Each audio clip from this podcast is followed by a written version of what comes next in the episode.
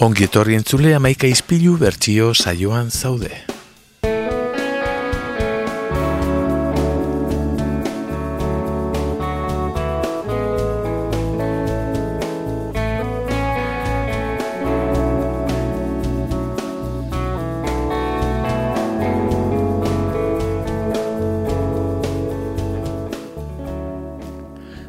Gaurko kantu originala Bob Dylan handiak idatzi zuen, irurogiko amarkadan eta Barney Need All Back Home izeneko mila bederatzireun eta irurogeita postean publikatu zuen lanean argitaratu zuen lehen aldiz.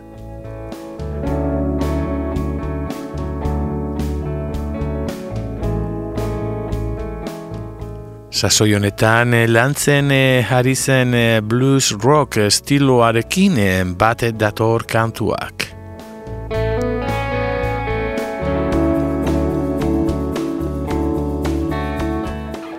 Garai hartan kontrakultura moduan definitu zen joera sozialaren kantu adirazgarria bezala definitu zuten hainbat kritikariek.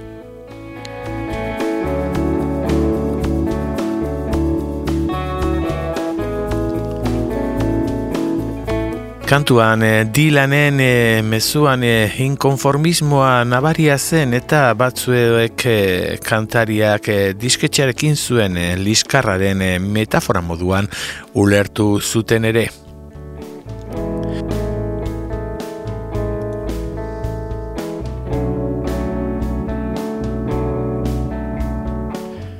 Naiz eta kantua karagizko arazoa kontatzen eh, dituen, edo zein pertsonak norbere izaera kolektibo global eta bideratuan eh, mantentzeko dituen arazoi buruz.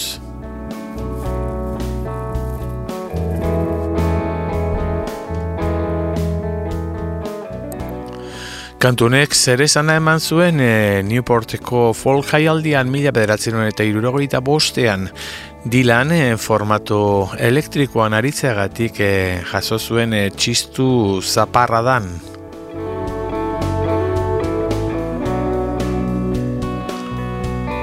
Hain zuzen ere, jaialdi hartan egin zuen kantu honen e, bertsioa Bringing It All Break Back Home e, diskoan agertzen e, zena, baino desente e, harin eta ozenago e, jo baitzuen eta honek zalaparta haunditu baino ez zuen egin.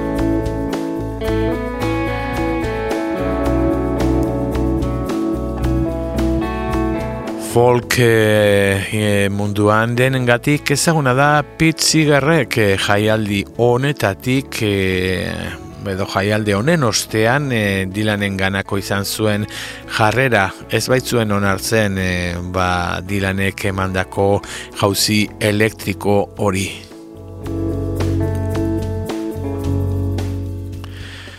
Bere ustez e, ba, orduko e, folk musikari egin ziezaioken eraso estilistikorik e, ba, larrienetako bat edo e, egin zuen dilanek ba, alako e, formato elektriko batean aritzerakoan. Edo zein modutan, e, Dylanen kantutegian, e, ba, argita garbin nabarmindu den e, pieza bat dugu, gure kantu original, gure gaurko kantu original hau. E, asko ke asmatuko zuten e, zenuten ez, Magis Farm kantuari buruz hitz egiten ari gara. Entzun dezagun Bob Dylanen kantu zoragarri hau, Magis Farm.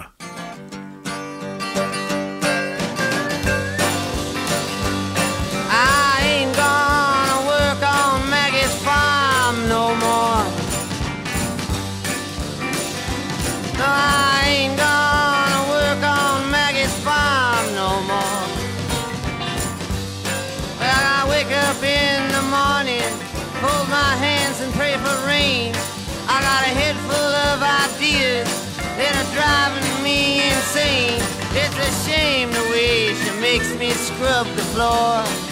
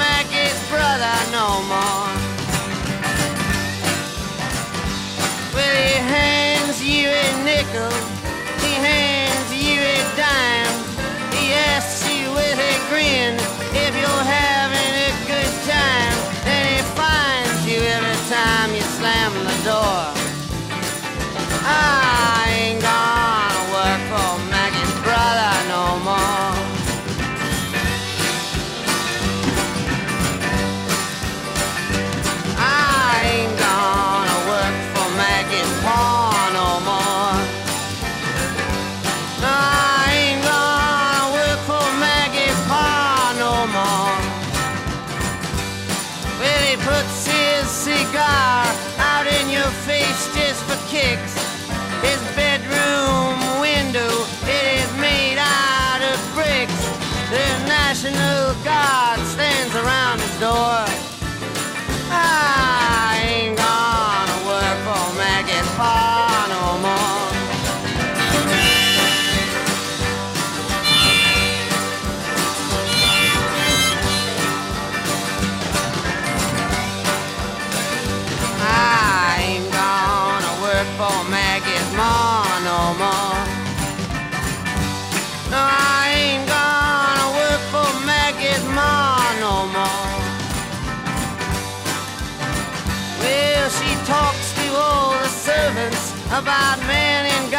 Law.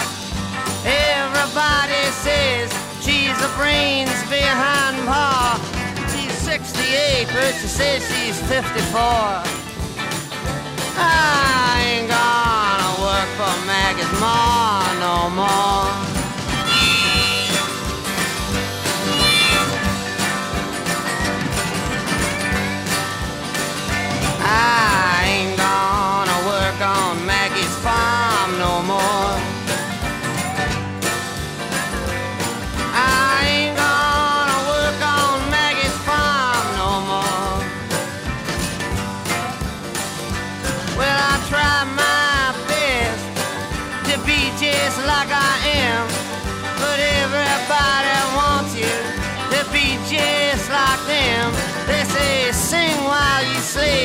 biscuit board.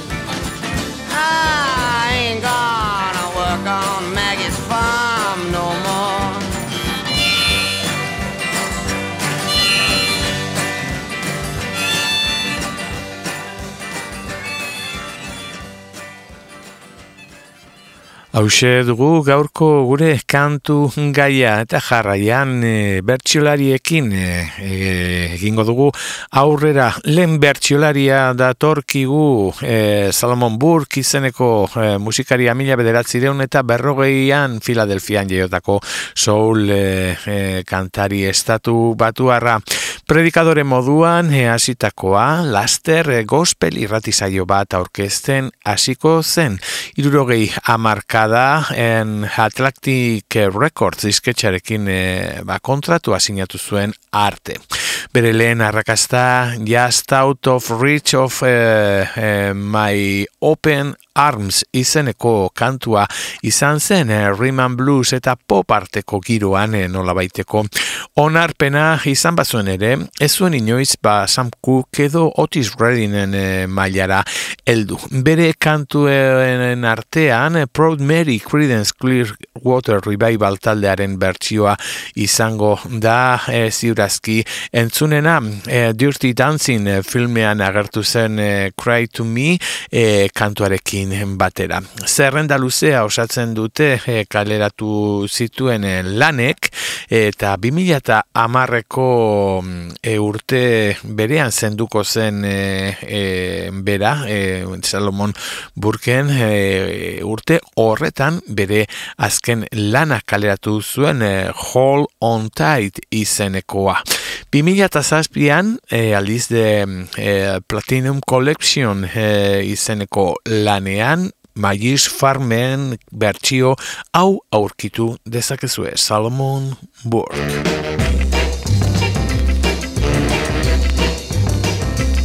I ain't gonna work on Maggie's farm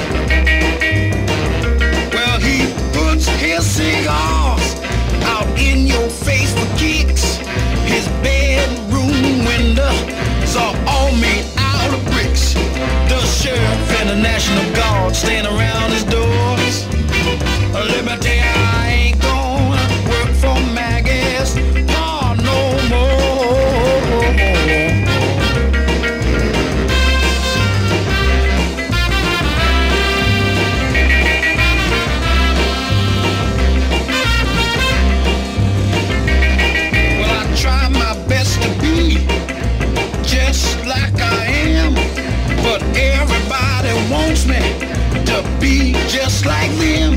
They sing while a slave and I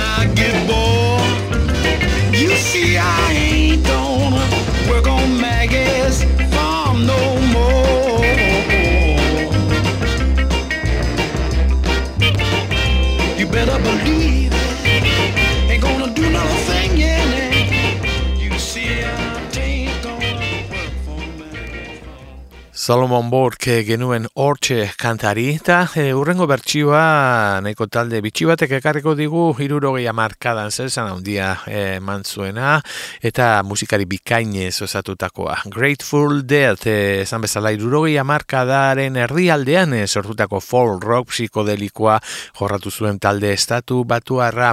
E, bi taldetatik etorretako musikariek eratu zuten e, taldea Mother McCree's Uptown Jack Champions e, bat eta The Soul Warlocks e, bestea.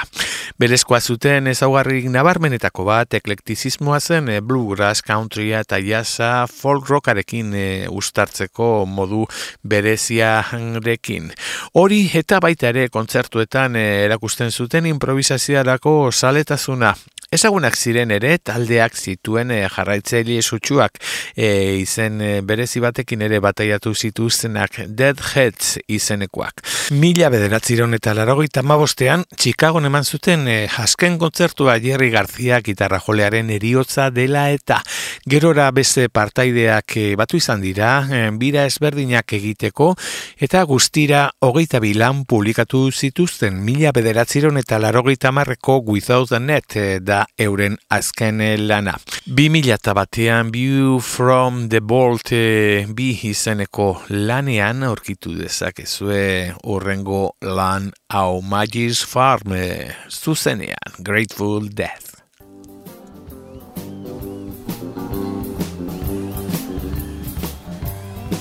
If you've been if you've been watching TV all day, then nobody has to tell you how bad it is for farmers. You can do something. Give your money and your support. Call 1 800 Farm Aid. Thank you.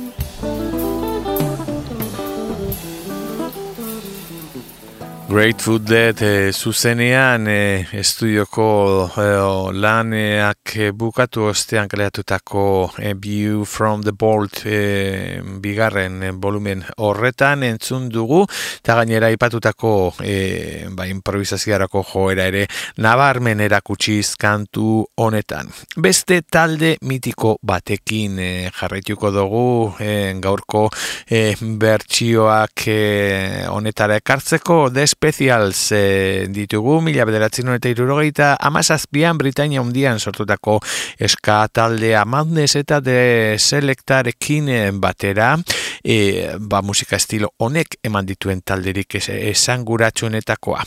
Eskapunk eta New Wavearen arteko nasketa e, zuten e, estilua gerora e, txuton moduan ezagutuko zena. Ameshers to Rudy, e, Ghost in Town edo Too Much Too Young dira euren kanturik arrakastatxuenak Rancid, e, No Dove, e, Los Fabulosos Cadillacs edo eta ere gurean ezagunagoa den kortatu bezalako talden eraginik nagusienetakoa.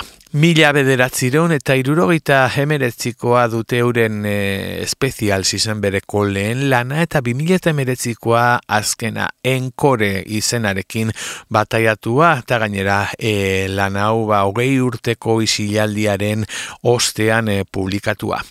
Mila bederatzireun talarogikoa more specials e, lanean e, topatu dezakezue Magis Farm e, kantu, gure kantu gaiaren urrengo bertsio hau. The Specials Magis Farm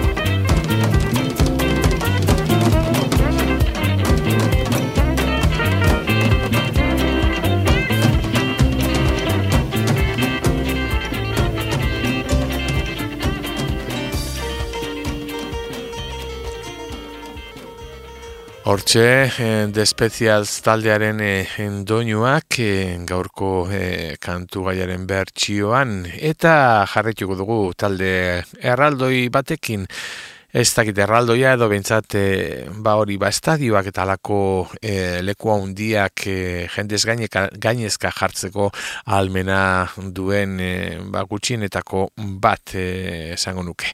Ubi taldeari buruz ari naiz, Dublinen mila bederatziron eta irurogeita maseian sortutako rock talde Irlandarra, egun gorrokaren e, eh, mainstreamean e, dirauen e, talde erraldoietako bat.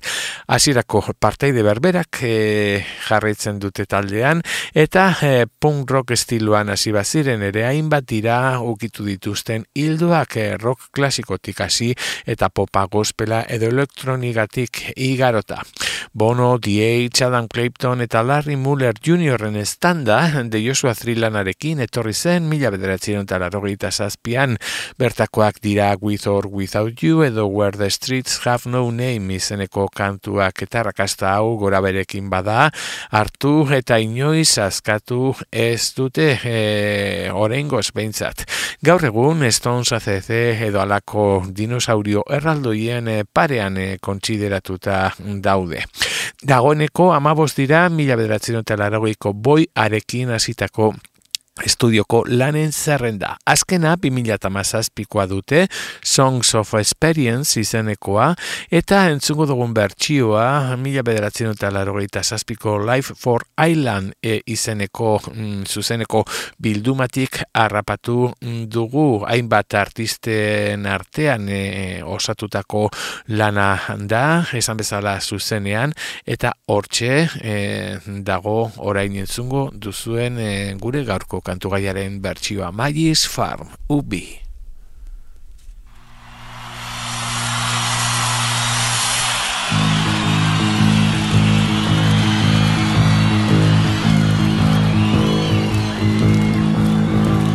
I ain't going to work on Maggie's farm no more. See, I ain't going to work on Maggie's farm.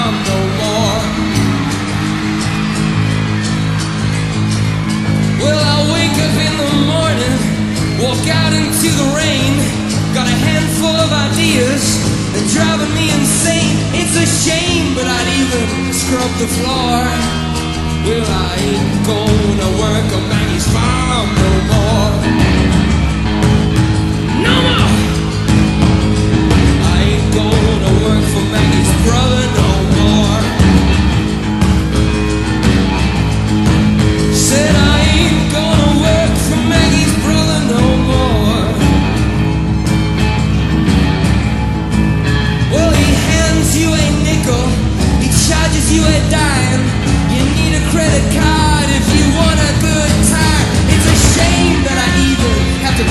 Door.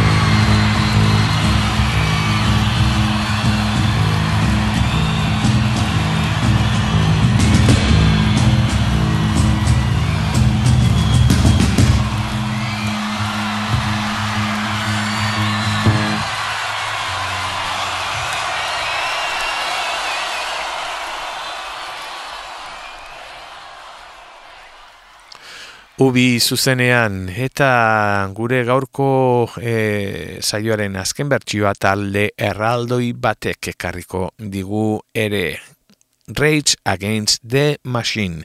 Mila bederatziron eta larogeita maikan Los Angelesen sortutako rap metal talde estatu batuarra. Ton Morello gitarra joleak eta Zak de la Rocha kantariak engidatuta e, mila ba, larogeita marreko amarkada osoa iraun zuen taldaren ibilbideak. Lehen etapan behintzat, gerora 2007an berri sartu zuten 2008 arte, eta azkenik 2008an Chris Corneren eriotzak eragin zuen Audio Slave taldearen desegitearekin eh, batera eh, berriz martxan jarri zuten gaur egun arte. Bere garaian soinu bereziagatik nabarmendu ziren, Ton Moreloren gitarra soinu berretzaileak, eh, frilla zukituak, bateria eta basoaren oinarri sendoarekin, eta baita ere, Zak de la Rocharen rap e, eran jaurtitako hitz zorrotz eta zuzenekin. Ezker kutsua nabarmen erakutsi izan dute bere ibilbidean, kapitalismoa, globalizazioa edo e, gerraren kontrako mezuak laua izetara zabalduz. Estatu batuak bezalako herri batean suposatu dezakenarekin e, barazoi dagokionez. Estudioko lanei e, dagokionez ere, lau, baino ez dituzte kaleratu. Mila bederatziron eta larogeita amabiko Reinsta Against the Machine e, izan zen lehena, larogeita Evil Empire izeneko etorri zen, larogeita emeretzikoa dute The Battle of Los Angeles eta azkena 2000 garren urtean kaleatu zuten renegado izinburupean eta azken honetan aurkitu dezakezue orain entzungo dugun gure gaurko kantu gaiaren azken bertsioa Race Against the Machine Magis Farm.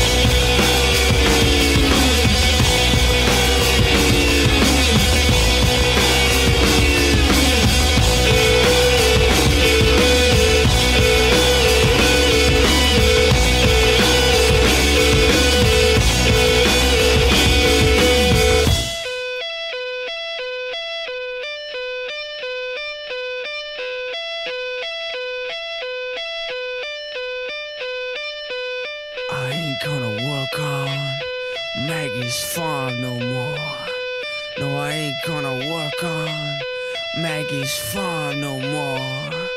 Well, I try my best to be just like I am, but everybody wants you to be.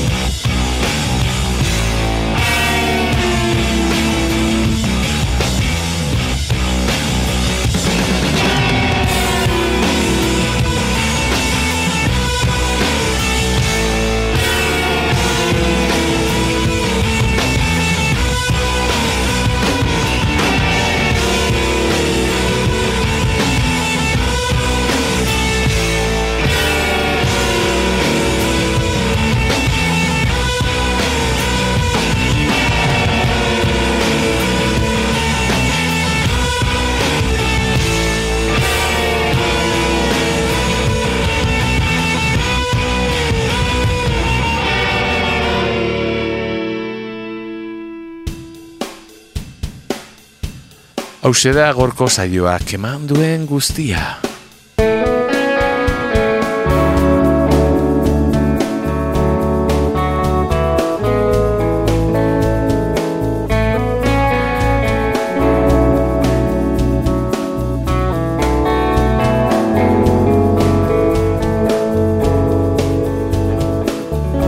Urren guaztean berriz izango gara.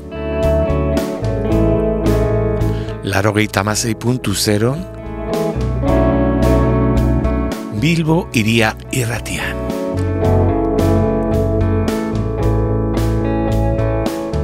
Bitartean Aste hona izan Eta ondo bizi